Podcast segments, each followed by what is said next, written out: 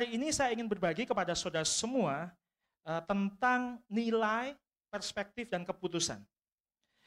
Karena pada dasarnya kita ini adalah makhluk keputusan. Bapak Ibu setuju atau tidak? Kita adalah makhluk keputusan. Keberadaan saudara hari ini, jam ini, di tempat ini adalah hasil dari keputusan saudara beberapa waktu yang lalu. Betul? Dan transformasi sering kali menjadi keinginan atau kerinduan dari kita semua. Betul atau tidak? Kita menginginkan transformasi, perubahan ke arah yang lebih baik di dalam kehidupan kita. Dan saya rasa tidak ada seorang pun yang menginginkan hidupnya tidak berubah. Dan tidak ada seorang pun yang menginginkan hidupnya untuk berubah ke arah yang lebih buruk dari sebelumnya. Itulah kenapa uh, firman Tuhan katakan dia menjanjikan untuk membawa kita from glory to glory. Dari kemuliaan menuju kepada kemuliaan. Karena kata atau slogan glory to glory atau glory glory itu bukan hanya milik Manchester United. Kalau yang nggak ngerti sepak bola nggak apa-apa. Tapi saya adalah salah satu fans Manchester United dan sudah perlu ketahui sejak perspektifnya berubah, maka dari seri kalah, seri lagi padahal tim besar dari sejak uh, awal tahun ini sampai sekarang atau akhir tahun sampai sampai sekarang sudah delapan kali kemenangan tanpa kalah sekalipun. Jadi itu namanya glory to glory. Nah demikian juga di dalam kehidupan saudara. Tuhan menginginkan saudara untuk uh, berkembang atau bertumbuh dari kemuliaan menuju kepada kemuliaan. Tapi untuk sampai ada di sana perlu ada sesuatu yang saudara dan saya perlu ketahui. Karena pada dasarnya kasih Tuhan itu tanpa syarat. Setuju nggak Bapak Ibu? Kasih Tuhan tanpa syarat. Kita tidak perlu melakukan segala sesuatu menurut apa yang paling sempurna buat kita, tapi kemudian dia memberikan kita keselamatan, menganugerahkan keselamatan karena alasan cinta kasihnya kepada kita. Cinta kasihnya tanpa syarat. Tapi sudah perlu tahu, janjinya ada syaratnya. Janji Tuhan ada syaratnya. Itulah kenapa firman Tuhan katakan tetap kerjakan keselamatanmu. Karena karena tujuan dari kita diselamatkan, karena dia menginginkan untuk kita tidak sekedar duduk diam di dalam keselamatan itu, tapi supaya kita mengalami kemerdekaan di dalam cara kita berpikir, sehingga kita juga mengalami kemerdekaan di dalam cara kita mengambil keputusan, sehingga oleh karena kita merdeka di dalam mengambil keputusan, maka kemudian yang terjadi adalah kita menuju kepada kehidupan yang berubah, kehidupan yang bertransformasi, yaitu dari kemuliaan menuju kepada kemuliaan. Artinya ada sesuatu yang harus kita lakukan. Ada bagian-bagian yang harus kita lakukan yang kemudian membawa janji Tuhan bisa tergenapi di dalam kehidupan kita. Sehingga dengan demikian saya mau sampaikan hal ini kepada saudara semua bahwa firman Tuhan itu tidak mengubah kehidupan. Saudara yang mungkin selama ini berpikir bahwa firman Tuhan mengubah kehidupan, saudara mungkin harus berpikir ulang. Nah tapi saya tahu dari wajah-wajah saudara sebelum saudara berpikir bahwa saya adalah pendeta yang sesat, saya mau klarifikasi kepada saudara semua. Firman Tuhan tidak mengubah kehidupan. Tapi firman Tuhan yang dipraktekkan, itu yang mengubah kehidupan. Ada bagian dari tugas kita untuk mempraktekkan apa yang firman Tuhan katakan. Untuk mempraktekkan apa yang Tuhan janjikan. Jadi nggak cukup hanya sekedar kemudian kita duduk diam di dalam keselamatan yang kita peroleh, tapi kemudian kita tidak melakukan apa-apa untuk kemudian janji Tuhan juga kita merasa gini, oh katanya saya sudah diselamatkan, kok janji Tuhan nggak tergenapi dalam hidup saya, kok hidup saya masih begini-begini saja? Yang pasti bukan salah janjinya, yang pasti bukan salah firman Tuhannya, tapi mungkin kita belum melakukan apa yang seharusnya menjadi bagian untuk kita lakukan. Sampai sini Bapak Ibu oke? Okay? Firman Tuhan yang dipraktekkan, itulah yang mentransformasi. Itulah yang mengubah kehidupan. Nah, firman Tuhan yang dipraktekkan atau kita baru bisa melakukan atau mempraktekkan firman Tuhan itu tidak dengan tiba-tiba. Tetapi harus dimulai bagaimana kita menilai diri kita sendiri dan bagaimana kita menilai keberadaan firman Tuhan di dalam kehidupan kita. Nah, saya mau cerita sedikit tentang kehidupan saya Tiga tahun yang lalu, saya sekarang tinggi badannya 170 cm. Tiga tahun yang lalu juga 170 cm. Saya sudah tidak dalam masa pertumbuhan, jadi walaupun pengen tambah lebih tinggi lagi, udah nggak tambah lebih tinggi. Tapi bedanya, sama-sama tinggi tubuhnya 170 cm, tapi tiga tahun yang lalu berat badan saya 91 kilo Bapak Ibu. Saya nggak usah cek ke dokter, saya ini obesitas. Dengan tinggi badan 170 cm, berat 91 kilo itu sudah pasti obesitas. Uh, baju saya ukuran XL dulu, sekarang M. Uh, T-shirt kadang-kadang kalau uh, cuttingnya berbeda, saya bisa pakai S. Celana dulu 36, sekarang 32 sampai 34. Jadi kalau kalau regular 32, 33 gitu, tapi kalau slim fit 34. Nah, perbedaan itu terjadi dan kemudian kehidupan saya berubah. Tapi mungkin sudah bertanya, kenapa dulu saya seperti itu atau tiga tahun yang lalu seperti itu? Bahkan untuk lari 100 meter pun itu belum sampai 100 meter, saya merasa hadirat Tuhan begitu sangat pekat gitu gelap berkunang-kunang gitu ya. Gak sanggup lagi kayaknya, tapi sekarang saya sudah berhasil menyelesaikan dua kali full maraton 42 kilo. Di Jakarta Maraton dan di Bali Maraton. Itu bukan karena saya duduk diam berdoa saja di dalam keselamatan saya. Tapi untuk bisa lari 42 kilo, itu ada, walaupun saya percaya, Tuhan menjanjikan saya pasti bisa gitu ya. Tapi kalau saya nggak latihan, kalau saya nggak jaga pola makan saya, kalau saya nggak kerja keras mempersiapkan semuanya, maka janji hanya tinggal janji. Demikian juga dalam hidup saya, saudara semua. Mungkin pergumulan saudara bukan di soal berat badan. Mungkin pergumulan saudara bukan di soal urusan lari maraton. Tapi mungkin sudah punya pergumulan di area-area yang lain di dalam kehidupan saudara. Mungkin di, di kehidupan pribadi saudara, di pernikahan saudara, di Eh, rumah tangga, membesarkan anak-anak, atau pekerjaan, bisnis saudara, pelayanan saudara, apa pun itu. Tapi percayalah bahwa kasih Tuhan tanpa syarat. Tapi janji Tuhan ada syarat yang harus saudara lakukan untuk bisa tergenapi janji itu. Saya bisa bisa memahami hal ini? Ya, saudara, saudara nggak nggak menilai saya sesat kan? Nah, saya ingin ingin menyampaikan sih kepada saudara kenapa saya dulu seperti itu yang tiga tahun yang lalu. Karena dulu saya berpikir seperti ini. Saya punya eh, cara pandang seperti ini. Saya ini seumur hidup nggak pernah ngerokok Bapak Ibu. Ini bukan gaya-gayaan, ini memang beneran. Dan kalau Bapak Ibu bilang, wah rohani sekali, eh, emang dari dulu udah kelihatan calon pendeta. Enggak, bukan karena itu, bahkan bukan karena firman Tuhan, tubuhmu adalah bait Allah, bukan. Sebelum saya tahu tentang itu, alasan saya cuma gini, saya nggak ngerokok karena saya jaga badan saya. Saya nggak mau paru-paru saya tercemari dengan asap rokok. Sampai hari ini kalau ada asap rokok, itu tenggorokan saya sakitnya minta ampun. Itu.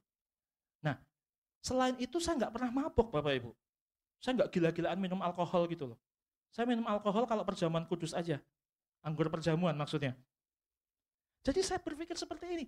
Loh, saya udah jaga hidup saya nih, jaga kesehatan saya di area ini. Baik nggak Bapak Ibu? Apa yang saya putuskan baik nggak? Baik. Nah, karena saya berpikir baik di dalam cara pandang saya, karena ini saya sudah baik di area ini, maka kemudian saya mau berkompromi dengan aspek kehidupan saya yang lain. Jadi kalau di sana saya jaga kesehatan, kan sudah baik. Boleh dong cincai dong, nggak merokok, nggak minum alkohol, sehat nggak? Sehat. Boleh dong makan gila-gilaan dikit. Dan tahukah saudara peribahasa apa? Sedikit-sedikit, lama-lama jadi bukit. Bahkan saya punya slogan yang sangat keren pada masanya, pada waktu itu. Slogan saya gini, selama sarung masih longgar, makan apa saja dan seberapa aja, hajar. Hashtagnya lebay. Udah gitu, saya masih punya talenta yang unik. Nah bakat unik saya gini, jangankan makan, baru bau makanannya aja, badan saya langsung gembrot. Saya gampang sekali gemuk. Karena pola pikir yang seperti itu, menganggap bahwa saya sudah atau menilai diri saya bahwa saya sudah mengambil keputusan yang baik di area ini, saya kemudian berkompromi untuk melakukan di area yang lain. Sama saudara misalnya di kantor, atau nggak usah di kantor lah, di, di jalan raya aja. Seumur hidup saya tidak pernah melanggar peraturan lalu lintas. Setiap lampu menyala merah, saya pasti akan berhenti. Dan bahkan ketika lampu sudah hijau, saya akan tetap berhenti dulu, nggak buru-buru. Makanya saya sering dikelaksonin dari belakang. Seumur hidup saya nggak pernah melanggar lalu lintas. Umpamanya saudara berpendapat seperti itu. Cincailah di kompleks, naik motor 100 meter, ngapain harus pakai helm? Saya bisa mengerti maksud saya? Dan semua itu karena perspektif saudara atau sudut pandang saudara dalam mengambil keputusan yang kemudian akan menjadi perilaku dalam kehidupan saudara. Nah, saya akan berikan kerangkanya terlebih dahulu supaya saudara jelas bahwa kita ini adalah makhluk keputusan. Sudah setuju ya? Nah, keputusan-keputusan yang kita ambil itu tidak datang dengan sendirinya. Keputusan yang kita ambil itu berasal dari perspektif atau sudut pandang kita. dari sudut pandang kita. Kalau saya tadi mengambil sudut pandang, oke, okay, di area urusan merokok dan mabok-mabokan, baik. Tapi kemudian saya punya sudut pandang yang berbeda nih. Di area di mana saya urusan soal makanan. Bahkan dulu saya percaya sama teologi yang saya buat sendiri, yang saya tahu itu sesat. Saya saya percaya sama gini, kenapa sih persembahannya Habel diterima sementara Kain enggak? Kan firman Tuhan katakan, karena persembahan Habel tidak bercacat dan tidak bercela. B-nya berapa? Dua. Itulah kenapa saya gila-gilaan makan B2. Karena saya percaya itu persembahan yang harum di hadapan Tuhan. Pembenaran. Karena apa? Perspektif.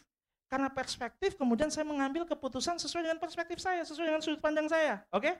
Nah, perspektif itu munculnya dari mana? Dari pola pikir, Bapak Ibu. atau mindset. Nah, mindset atau pola pikir itu ditentukan dari mana? Dari nilai. Nilai-nilai yang kita yakini dalam kehidupan kita. Jadi, cara saudara menilai sesuatu, cara saudara menilai termasuk diri saudara sendiri, seperti saya menilai diri saya, cara saudara menilai kesehatan saudara, cara saudara menilai keimanan saudara, cara saudara menilai kekristenan saudara, cara saudara menilai identitas saudara, itu akan sangat menentukan pola pikir saudara. Betul atau tidak? Kita bisa punya kondisi yang sama. Di sini ada, kalau jam 10 kayaknya ada yang muda-muda ya, ada beberapa yang lagi uh, bergumul untuk cari pasangan. Nggak usah ngaku dalam hati aja. Ya biasanya disebut jombloan dan jomblowati atau jomblower sekarang. Dua orang bisa sama-sama jomblo, tapi pola pikir yang berbeda menyebabkan perspektif yang berbeda dan keputusan yang berbeda. Jomblo A bilang gini, emang hidup saya eh, udah ada nggak udah nggak ada yang mau. Emang hidup saya senista ini, sehina ini. Tuhan nggak sayang sama saya. Nggak heran nggak ada orang yang mau sama saya. Saya sudah berdoa jungkir balik berapa kali dengan cara macam-macam. Kok yang nggak ada juga? Memang saya ditakdirkan untuk seperti ini. Tapi yang satu bilang gini, jomblo B bilang gini, saya jomblo juga. Tapi saya tahu Tinggal tunggu waktunya. Karena saya percaya Tuhan memberikan yang paling tepat buat saya. Kalau, kalau saya terus memperbaiki diri saya. Kalau terus saya memperbaiki faith saya. Kalau saya terus melakukan segala sesuatu pekerjaan pelayanan dipercayakan kepada saya dengan integritas. Kalau saya terus, nah ini, nah ini. Tidak duduk diam di rumah saja, tapi bangun hubungan, relationship dengan orang-orang di sekitar saya. Dan kemudian saya melakukan segala sesuatu dengan excellent. Maka fire, api Jodoh itu ada dalam kehidupan saudara. Udah cocok nggak? Udah cocok kan untuk untuk apa itu namanya di endorse menyampaikan nilai-nilai. saya bisa mengerti maksud saya.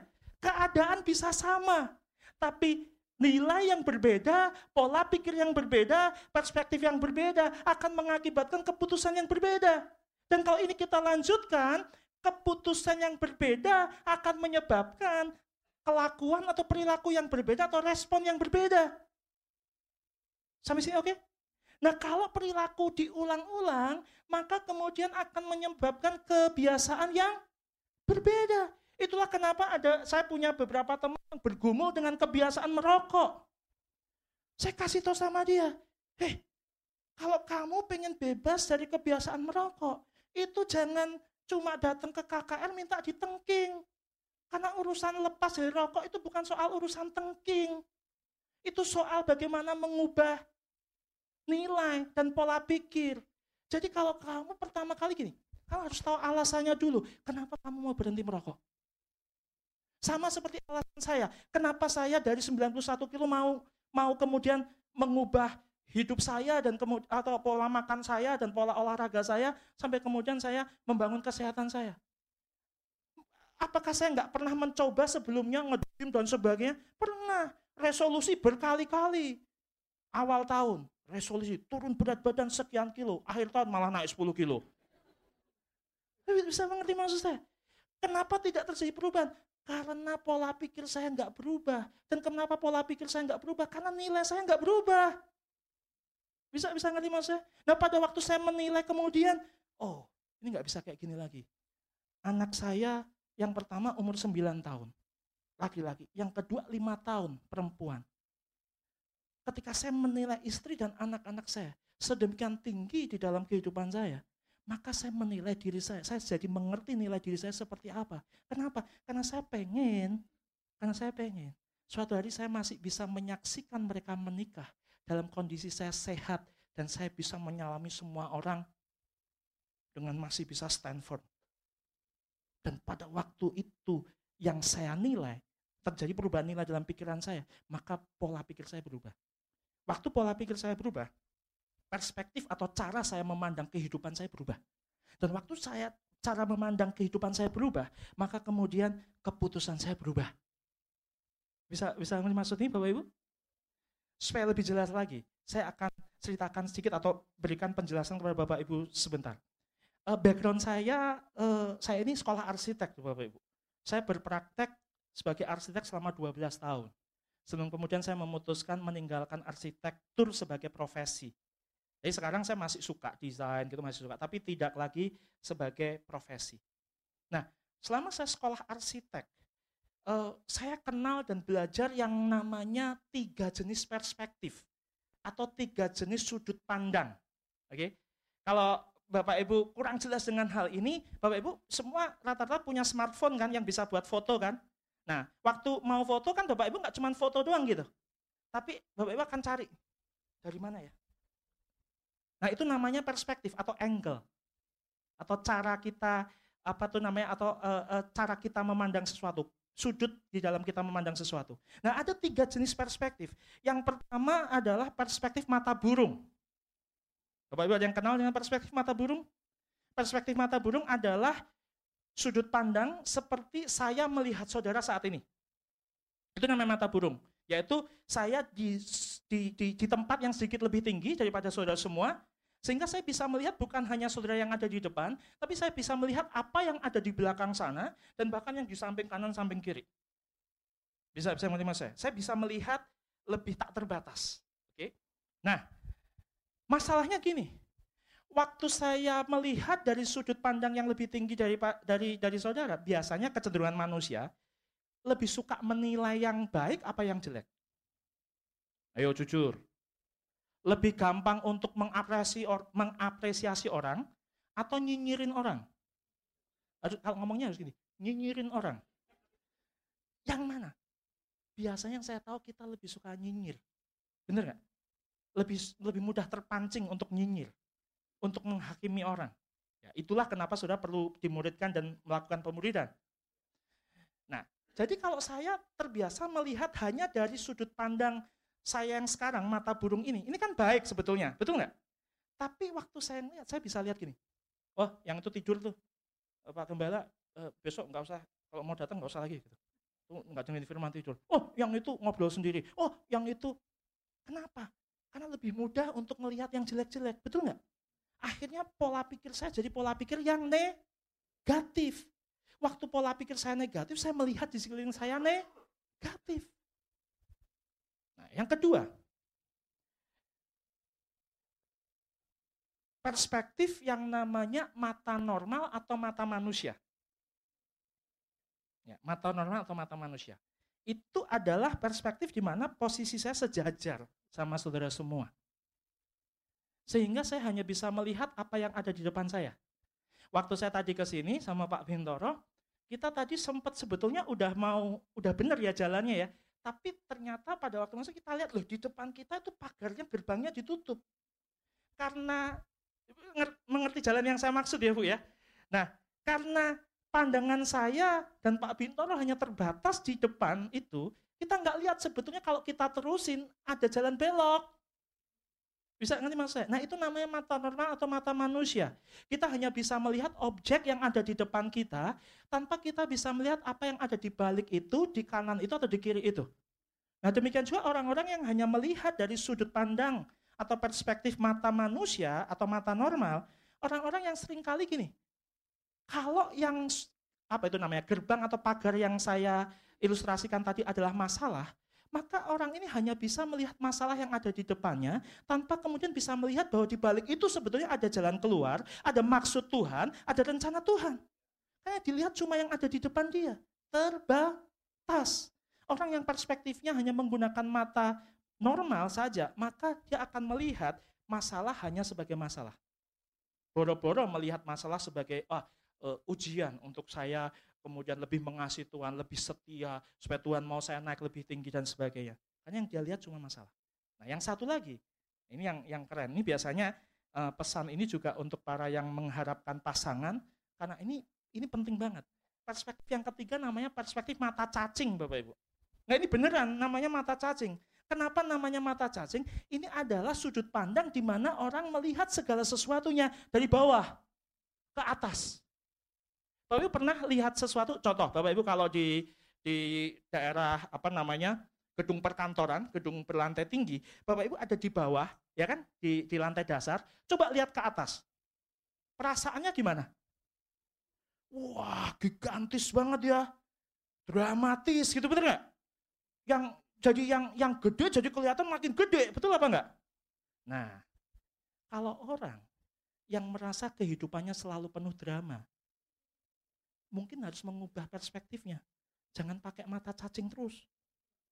Dikit-dikit drama, dikit-dikit drama, dikit-dikit drama. Sampai dibilang drama queen, kan gitu.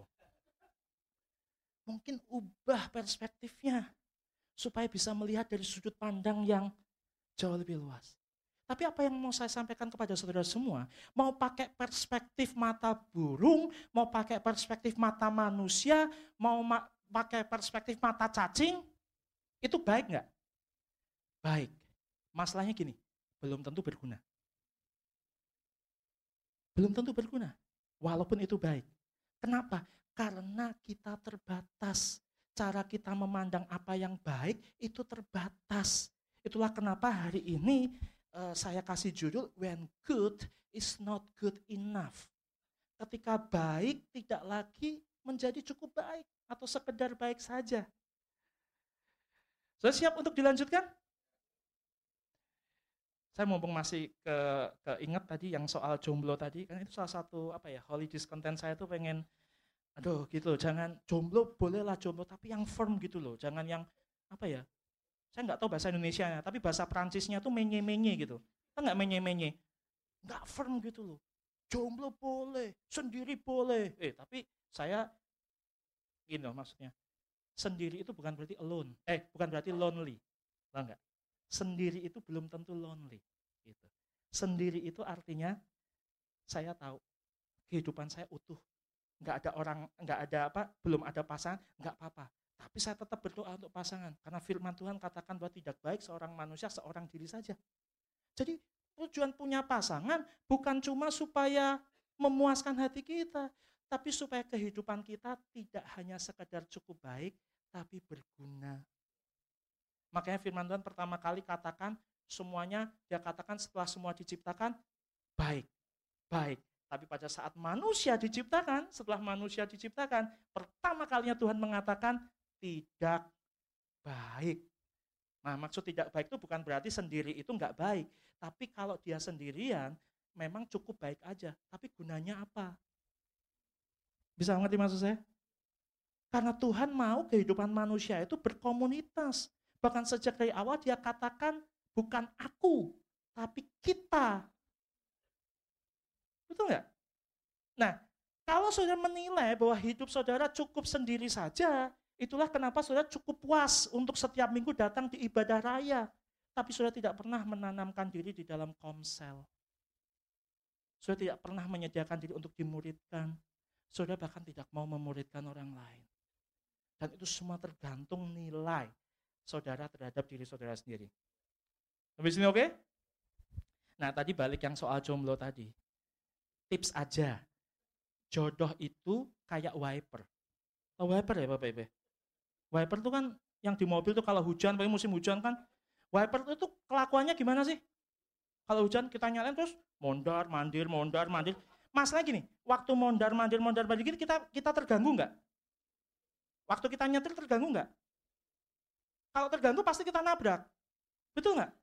Iya mondar, mondar, mandir, mondar, mandir, kita kan tetap fokus di depan kan? Karena kita ngelihat yang jauh di sana kan? Nah jodoh tuh kayak gitu. Kadang-kadang karena kita perlu belajar visi. Menjadi gereja pemerintah yang sehat berdampak bagi dunia. Visi itu jauh. Maka saya akan melihat yang jauh. Sampai yang di depan mondar mandir aja saya nggak kelihatan.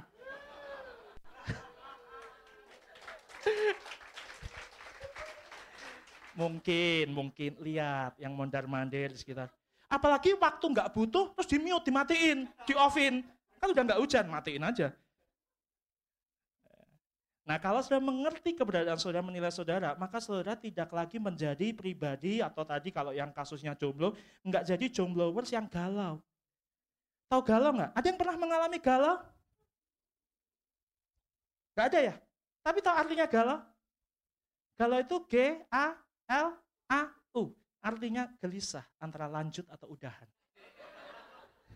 Itu bisa di urusan relationship, itu bisa di di urusan apa itu namanya pekerjaan, pelayanan. Ada loh yang melayani gelisah antara lanjut atau udahan.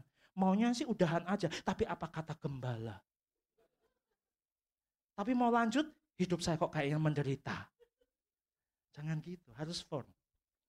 Nah, supaya firm, sudah uh, supaya teguh pada prinsip, supaya teguh pada visi, supaya teguh pada pada keputusan-keputusan yang saudara ambil, saudara perlu mengerti nilai atau bagaimana saudara menilai hari ini saudara, keberadaan saudara. Sampai sini oke? Okay? Nah, saudara kenal nggak dengan Master Okway? Master Okway. Ada yang nonton Kung Fu Panda? Master Okway itu temannya Master Shifu. Oh ada di belakang saya nonton Kung Fu Panda. Master Okwe itu yang kura-kura, boleh ditampilkan slide-nya. Nah, dia bilang gini, dia pernah menasehati si Po. Ini kayaknya Master Okwe ini dulu ketua komselnya dari Po. Jadi dia kasih nasihat sama si Po. Dia bilang gini, yesterday is history. Tomorrow is a mystery. But today is a gift. That's why they call it the present. Jadi dikatakan bahwa kemarin atau atau masa lalu itu adalah sejarah. Cie, yang dulu pernah diputusin, yang dulu pernah mutusin, apa pun itu, itu masa lalu. Enggak usah diingat-ingat. Eh, walaupun ada lagu mantan terindah, tapi enggak usah, udah. Nah, tapi dikatakan kemudian tomorrow is a mystery. Masa depan adalah misteri. Betul enggak? Makanya ada lagu juga misteri ilahi. Itu masa depan. Tapi jarang yang bikin lagu hari ini. Kecuali hari ini ku rasa bahagia. Padahal hari ini dikatakan bahwa today is a gift. Masa lalu nggak bisa diapa-apain lagi. Masa depan itu misterinya Tuhan. Tapi yang kita percaya janji Tuhan ya dan amin. Janji Tuhan membawa kita pada kemuliaan demi kemuliaan. Janji Tuhan bukan rancangan da, uh, kecelakaan tapi rancangan damai sejahtera. Janji Tuhan adalah janji masa depan yang penuh dengan pengharapan. Janji Tuhan adalah masa depan yang penuh dengan kegemilangan dan kecemerlangan. Kita percaya itu. Tapi bentuknya kayak apa? Ya nanti kan belum sampai di sana. Hari ini adalah hadiah dikatakan. Hari ini adalah hadiah. Dan keberadaan saudara dan saya hari ini adalah akibat dari keputusan-keputusan saya dan saudara di kapan? Di masa lalu. Sehingga kalau keberadaan saya hari ini adalah akibat dari keputusan saya di masa lalu, pertanyaannya bisa nggak kita memprediksi masa depan kita? Bisa. Dengan cara apa? Bahwa keberadaan saya di masa depan adalah akibat dari keputusan-keputusan saya kapan? Hari ini. Tapi saudara baru bisa memutuskan bagaimana saudara memandang dan mengambil keputusan terhadap hari ini saudara, apakah hari ini saudara dipandang sebagai hadiah, atau hari ini saudara dipandang sebagai hari yang biasa-biasa saja, atau saudara bahkan memandang hari ini sebagai rutinitas saja, dan saudara lupa untuk bersyukur terhadap hari ini saudara, tidak heran kemudian ada banyak orang yang merasa bahwa masa depannya adalah masa depan yang suram. Pada janji Tuhan masa depan yang gemilang. Tapi itu semua tergantung dari keputusan-keputusan yang kita ambil hari ini. Dan keputusan kita terhadap hari ini tergantung bagaimana kita menilai hari ini. Jadi kita ada di hari yang sama, betul nggak? Tapi kondisi kita bisa berbeda. Kenapa? Karena keputusan kita berbeda. Nah, saudara ada di tempat ini kan hasil dari keputusan saudara beberapa waktu yang lalu, betul nggak? Demikian saudara, juga kalau saudara mau ada di sana, di depan sana, itu tergantung dari keputusan saudara di hari ini. Itu yang dikatakan Tuhan, tetap kerjakan keselamatanmu. Tetap kerjakan apa yang harusnya jadi bagianmu. Keselamatan saudara dan saya diberikan secara gratis. Bukan karena kita melakukan segala sesuatu yang baik, tapi karena cinta kasih Tuhan yang tidak terbatas, tidak bersyarat di dalam kehidupan kita, oleh karena itu kemudian kita bisa memperoleh keselamatan. Tapi keselamatan itu bukan untuk didiamkan saja, bukan untuk kemudian tidak ngapa-ngapain, tapi melalui keselamatan itu supaya kita bisa mengalami kemerdekaan, karena kemerdekaan itulah yang kemudian mengubah kehidupan kita. Sampai sini oke? Okay? Bapak Ibu?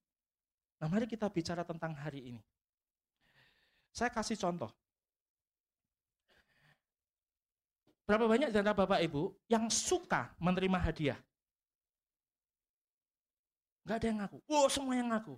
Nah sekarang, berapa banyak di antara Bapak Ibu yang suka memberi hadiah? Nah kalau yang tadi belum angkat tangan, mungkin kan, oh saya nggak pernah diberi hadiah, mungkin harus diubah perspektifnya. Sebelum diberi hadiah, berilah hadiah. Karena firman Tuhan berkata berilah, maka kau akan diberi. Ya, seperti tadi urusan jodoh. Kau akan diberi jodoh, bukan memberi jodoh orang lain, bolehlah jadi mak comblang buat orang lain, bantuin orang lain untuk dapetin jodoh. Siapa tahu suatu hari dapat jodoh yang tepat. Berilah, maka kau akan diberi. Nah, saya tahu bahwa tidak semua yang menerima hadiah langsung merasa senang. Betul apa tidak? Bapak Ibu pernah terima hadiah tapi Bapak Ibu nggak senang? Saya pernah. Nah, biasanya kenapa kalau saya nggak nggak terlalu suka dengan hadiah saya? Biasanya pada waktu saya buka, kemudian saya lihat isinya, perspektif saya atau saya melihat dari sudut pandang seperti ini. Ini kayaknya nggak berguna deh buat saya. Ini kayaknya nggak cocok deh buat saya. Ini kayaknya belum belum pas sih buat saya. Pernah nggak ngalamin seperti itu?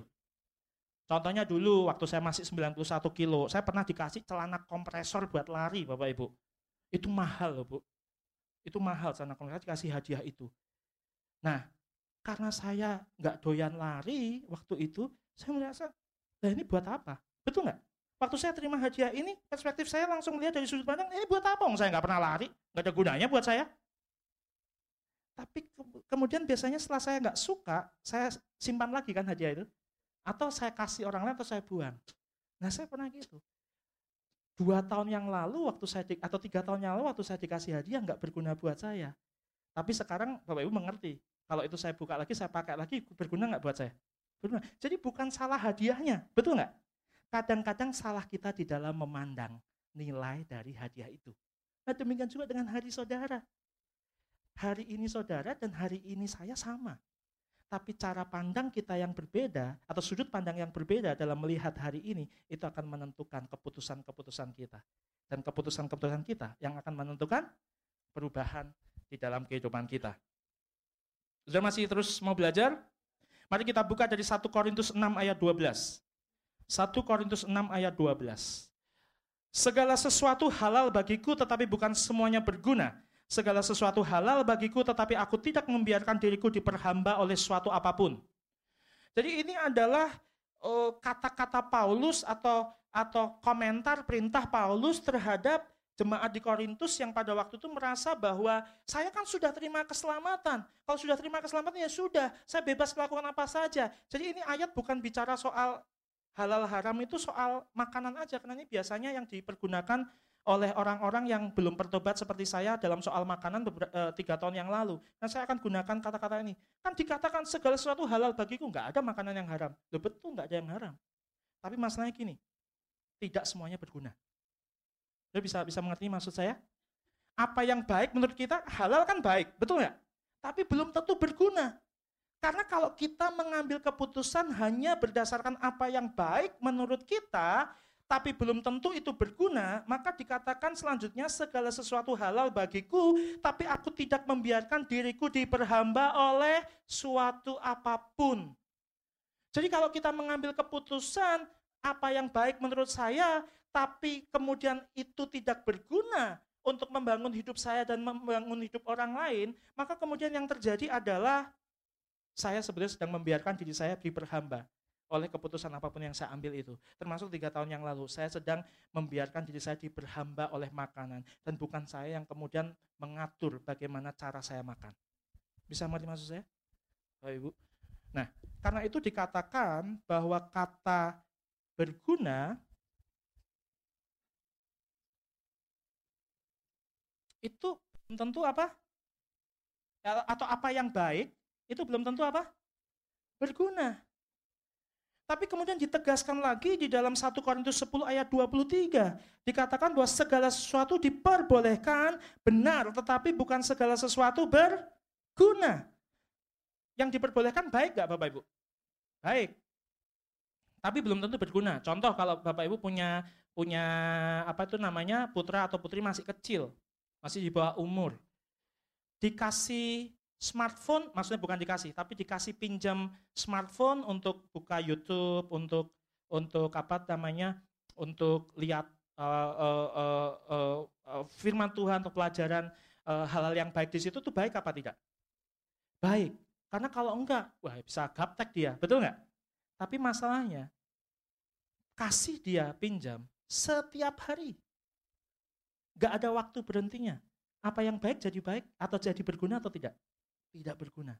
Karena itu dikatakan segala sesuatu diperbolehkan benar, tetapi bukan segala sesuatu berguna. Segala sesuatu diperbolehkan benar, tetapi bukan segala sesuatu membangun. Jadi kata berguna itu sebetulnya setara dengan kata memba apa Bapak Ibu?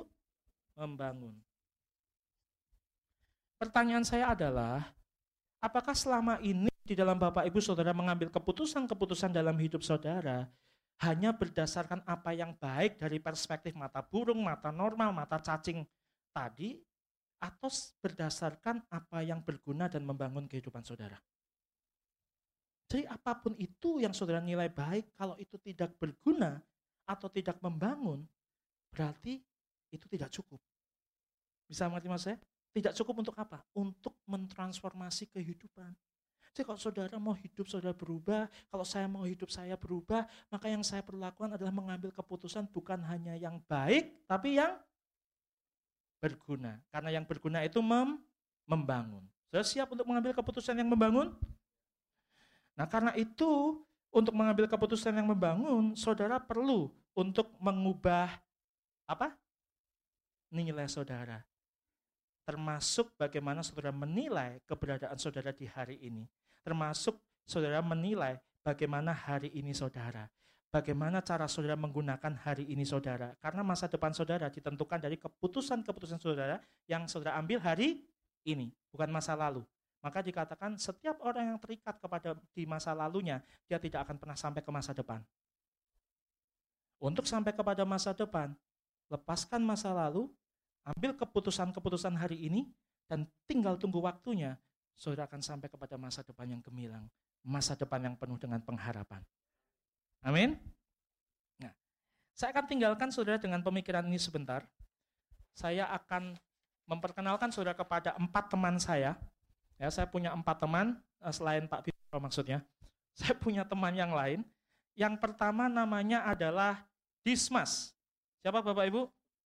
Dismas atau biasa disebut dengan Demas. Yang kedua adalah gestas atau biasa dipanggil juga dengan gesmas. Yang ketiga namanya adalah Longinus. Longinus itu adalah seorang perwira. Saya juga punya teman yang jabatannya cukup tinggi nih, ya seorang perwira. Dan yang terakhir, nah ini banyak, cuman mewakili banyak orang. Saya punya teman-teman yang dijuluki penonton. Keempat teman saya ini suatu ketika ada di hari yang sama. Mereka ada di peristiwa yang sama, ada di momen yang sama. Tapi cara mereka menilai momen tersebut atau hari tersebut itu berbeda-beda. Sehingga ketika mereka menilainya berbeda-beda, maka tadi perspektifnya berbeda, betul nggak? Waktu perspektifnya berbeda, maka kemudian keputusan yang mereka ambil berbeda. Waktu keputusan yang diambil berbeda, maka masa depan mereka ber, berbeda. Nah, teman-teman saya ini ada di satu peristiwa, namanya peristiwa penyalipan. Kalau saudara kenal dengan nama Dismas dan Gesmas, itu adalah dua penjahat yang di samping kanan dan di samping kiri atau dua pencuri yang ada di samping kanan dan samping kiri Yesus di dalam penyalipan. Dan bahkan mereka dikatakan e, mereka ini adalah penjahat atau pencuri kelas kakap sehingga mendapatkan hukuman maksimal karena di tradisi pada waktu itu hukuman maksimal bagi kejahatan adalah disalibkan. Bisa mengerti maksud saya? Ya. Nah, bahkan walaupun mereka dikatakan pencuri, tapi saya mengacu pada apa yang menjadi ilustrasi Yesus. Bahwa Yesus katakan bahwa pencuri datang untuk mencuri, membunuh, dan membinasakan. Jadi tidak sekedar mencuri, tapi juga membunuh dan membinasakan. Ini, ini kelas kakap. Tapi bedanya adalah gini, di hari terakhir mereka, ini yang yang nilai mereka yang berbeda. Saya minta tolong ditampilkan ayatnya di dalam Lukas mulai mulai 20 Lukas 23 sampai uh, uh, mulai ayat 39. Lukas 23, seorang dari penjahat yang digantung itu menghujat dia katanya, bukankah engkau adalah Kristus? Selamatkanlah dirimu dari kami. Tetapi yang seorang menegur dia, katanya, oke okay, sebelum sebelum ayat 40, penjahat yang pertama itu namanya siapa? Yang mana? Gesmas. Dia sama-sama di, di peristiwa penyaliban, tapi dia atau penilaian dia terhadap Yesus dan harinya dia, hari itu, itu tidak berubah. Maka kemudian yang terjadi adalah dia menantang Yesus, mengolok-olok Yesus, bahkan dikatakan, kalau engkau benar-benar anak Allah, selamatkan dirimu dan selamatkan kami. Tapi tidak berdasarkan sebuah iman, tapi berdasarkan karena olok-olok. Nilainya nggak berubah. Maka kemudian tidak melakukan apa? Tidak bertobat.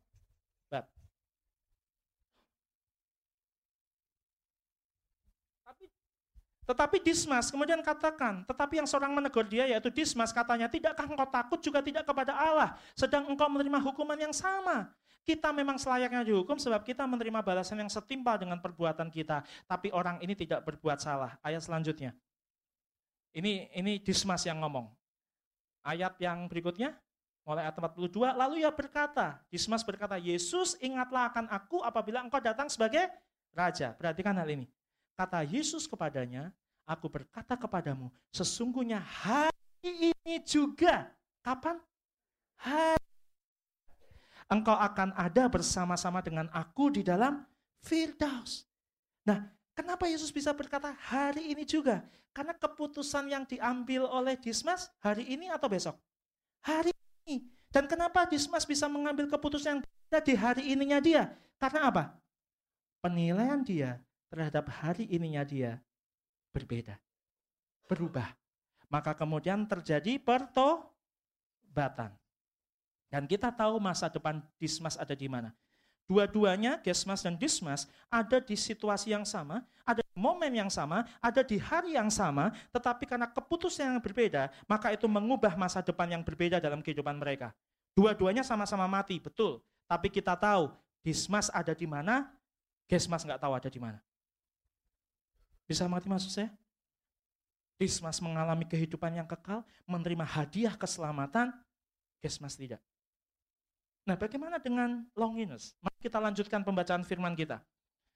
Ayat yang berikutnya, ketika itu hari sudah kira-kira jam 12. Lalu kegelapan meliputi seluruh daerah itu sampai jam 3 sebab matahari tidak bersinar dan tabir bait suci terbelah dua. Lalu Yesus berseru dengan suaranya, "Ya Bapa, ke dalam tanganmu kuserahkan nyawaku." Dan sudah berkata demikian, ia menyerahkannya wanya. Nah, perhatikan hal ini. Ketika kepala pasukan, yaitu yang namanya Longinus, perhatikan kalimat yang di-highlight. Melihat apa yang terjadi, terus dia ngapain? Memuliakan Allah. Katanya sungguh orang ini adalah orang benar. Bedanya sama Dismas, Dismas nggak sempat melihat perubahan yang terjadi di dalam di dalam apa itu fenomena alam. Dia sudah bertobat duluan, tapi Longin melihat dulu baru bertobat. Ya nggak apa-apa juga. Tapi itu menyebabkan nilainya berubah dan kemudian dia melakukan pertobatan. Dan kemudian kalau saudara pelajari di dalam sejarah uh, suci, sudah akan tahu bahwa Longinus adalah salah satu martir yang begitu dihormati di dalam perkabaran Injil. Dari seorang perwira Romawi yang menyalibkan Yesus. Tapi kemudian dia penilainya berubah, perspektifnya berubah, keputusannya berubah, masa depannya berubah. Nah, yang terakhir, bagaimana dengan teman-teman kita ini? Kita lanjutkan pembacaan ayat kita. Ayat yang berikutnya. Dan sesudah seluruh orang banyak yang datang berkerumun di situ untuk apa? Untuk tontonan itu. Orang datang cuma untuk apa? Nonton. Nah, berapa banyak dari saudara yang pernah ngalamin macet di jalan tol atau macet di jalan raya? Berjam-jam macet, Lalu kemudian saudara penasaran, ini sebenarnya macetnya kenapa? Betul nggak? Waktu saudara mulai lewat di penyebab kemacetan itu, saudara melihat, oh ada kecelakaan. Bekasnya doang. Sudah dievakuasi semuanya. Jadi penyebab kemacetan adalah bukan ke, bukan kecelakaannya, tapi karena orang yang apa? Yang nonton. Nah, saya percaya di ruangan ini nggak ada yang suka begitu. Di ruangan sana banyak. Kalau nonton biasanya gini, ada kerumunan, apa sih, ada apa sih, ada apa sih? Oh, ada apa sih, ada apa sih? Ya kan? Nah kalau sudah suka gitu biasanya nyinyir. Ya kayak orang nonton debat calon presiden toh. Nyinyir, gampang banget nyinyir. Emang nggak susah mempersiapkan materi debat. Nyiapin materi khotbah aja susah. Saya Maksudnya kalau yang orang yang kerjaannya nonton itu cuma nonton, tujuannya nonton. Ada hari ini nonton, orang udah berubah ke mana, orang udah pikirannya, pemikirannya berubah, orang sudah oh, apa tuh nah, nilainya berubah, orang sudah perspektifnya berubah, orang sudah keputusannya berubah, dia masih aja gitu. Bisa ngerti maksud saya? Nah penonton ini apa yang terjadi? Mereka melihat hal yang sama nggak dengan Longinus? Coba kita buktikan. Dan sesudah seluruh orang banyak yang datang berkerumun di situ untuk tontonan itu, apa? Melihat apa yang terjadi. Sama nggak dengan Longinus tadi? Dia melihat apa yang terjadi. Masalahnya penilaian Longinus berbeda, penilaian atau berubah, penilaian dari si penonton tidak berubah. Maka ketika penilaiannya tidak berubah, keputusannya tidak berubah, lalu mereka pulang sambil memukul-mukul diri. Artinya apa? Menyesal. Menyesal kelewatan momen untuk pertobatan. Maka mereka menyesal. Pertanyaan saya kepada saudara semua. Saudara saat ini ada di posisi yang mana? Dismas? Gesmas? Longinus, atau penonton. Kalau kehidupan saudara dan saya mau berubah, kita pasti tidak bisa berperilaku seperti Gesmas. Kita juga tidak bisa cukup sebagai penonton. Termasuk sudah datang ke gereja hari Minggu, bukan untuk nonton khotbah, bukan untuk nonton praise and worship. Kalau sudah datang hari Minggu ibadah raya cuma dengan tujuan untuk tontonan itu, sudah pulang akan memukul-mukul diri. Kenapa? Sudah nggak nggak dapat esensinya apa. Apalagi kalau orang nonton sukanya gini. Biasanya dia sebelum nonton gini. Tadi dulu. Yang khotbah siapa? Ah males yang itu, nggak usah datang. Worship leadernya siapa? Ah itu kok nyanyi false, males. Itu mental penonton Bapak Ibu. Itu perspektif penonton. Lah apalagi yang kayak Gesmas. Ini menurut saya menemuin gereja kalau ada orang kayak gini. Udah nonton terus nyinyir. Terus nantangin. Walah gembala khotbahnya kayak gitu. Hidupnya aja nggak kayak yang dikotbahin. Terus ngapain ke gereja? Nah, saudara dan saya datang ke gereja bukan untuk melakukan rutinitas tontonan. Tapi kita datang ke gereja karena kita mengetahui dia mengasihi kita lebih dulu. Dia yang setia kepada kita. Bahkan rela mengorbankan nyawa dan darahnya untuk sesuatu yang tidak harus dia tanggung. Itulah kenapa saya datang ke gereja. Namanya ibadah raya. Karena saya mau merayakan cinta kasih Tuhan. Saya mau merayakan kesetiaan Tuhan dalam hidup saya. Dan saya mau merayakan kebaikannya yang tidak pernah seumur hidup meninggalkan saya. Tapi itu semua baru bisa terjadi kalau penilaian kita berubah terhadap hari ini kita. Sampai sini sudah belajar sesuatu? Saya akan tutup dengan hal ini. Saya akan kembali kepada hadiah yang tadi. Hadiahnya sama nggak Bapak Ibu? Ini hadiah yang di depan saya masih sama nggak? Sama. Saya akan buka. Isinya masih sama nggak? Saya bukan pesulap, jadi isinya pasti sama. Oke. Okay. Tadi yang pertama gimana? Saya terima hadiah yang sama, penilaian saya waktu saya buka berbeda, kemudian saya perspektif saya berbeda, melihat nggak berguna buat saya, betul nggak? Tapi sekarang, sekarang setelah dengar firman Tuhan ini, saya masih terima hadiah yang sama nggak? Masih. Isinya masih sama. Tapi waktu saya buka, penilaian saya terhadap isinya dan perspektif saya terhadap isinya berbeda dari yang sebelumnya. Dulunya saya merasa, ah ini nggak berguna buat saya. Sekarang saya merasa, kalau saya nggak menggunakan ini, hidup saya tidak akan pernah bisa terbangun. Dan hidup saya tidak akan pernah bisa membangun hidup orang lain. Isinya sama, tapi tidak lagi saya simpan atau saya buang, tapi saya akan ambil hadiah itu. Dan saya pergunakan untuk menuntun kehidupan saya sampai kepada masa depan gemilang yang dijanjikan Tuhan di dalam kehidupan saya dan saudara, yaitu masa depan yang penuh dengan pengharapan, masa depan yang bukan rancangan kecelakaan, rancangan masa depan yang penuh dengan damai sejahtera, masa depan yang gemilang, masa depan yang cemerlang, masa depan bahwa Tuhan akan membawa kita dari kemuliaan menuju kemuliaan, from glory to glory, masa depan di mana Tuhan berkata, berjanji bahwa aku tidak akan membiarkan kau jatuh sampai tergeletak, masa depan di mana janji Tuhan katakan bahwa apa pun yang terjadi, aku tidak akan pernah meninggalkan engkau sedetik pun dari kehidupanmu, masa depan di mana janji Tuhan kepada hidup saudara dan saya bahwa ke mana pun kita pergi dia akan menyertai kita. Bahkan dia katakan sampai akhir zaman. Sudah percaya dengan masa depan saudara yang gemilang? Sudah percaya dengan apa yang dikatakan bahwa misteri ilahi adalah misteri masa depan yang cemerlang, masa depan yang penuh pengharapan, masa depan yang mentransformasi kehidupan saudara menjadi kehidupan yang tidak sama lagi. Karena saudara sudah diselamatkan oleh kasih karunia-Nya, bahkan saudara sudah diselamatkan oleh darahnya yang tercurah untuk kita semua dan oleh karena itu maka kehidupan kita menjadi kehidupan yang merdeka. Pada waktu kita merdeka, maka kita bisa mengubah nilai kita terhadap hari ini kita, bisa mengubah nilai kita terhadap keberadaan kita, dan kita bisa mengubah perspektif kita terhadap keberadaan kita, sudut pandang kita berubah, dan oleh karena kemerdekaan, maka kemudian kita bisa mengambil keputusan yang berbeda dalam kehidupan kita, dan oleh karena kita mengambil keputusan yang berbeda, perubahan keputusan itu akan membawa masa depan yang berbeda, masa depan yang berubah dalam kehidupan kita, sehingga cita-cita transformasi, perubahan kehidupan dalam kehidupan saudara, itu terjadi karena firman Tuhan, janji Tuhan, ya dan amin.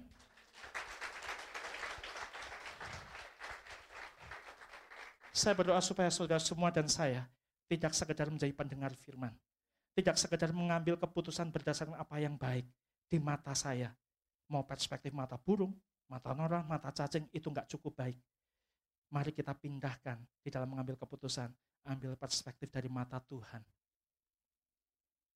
Karena when good is not good enough, then the truth is more than enough.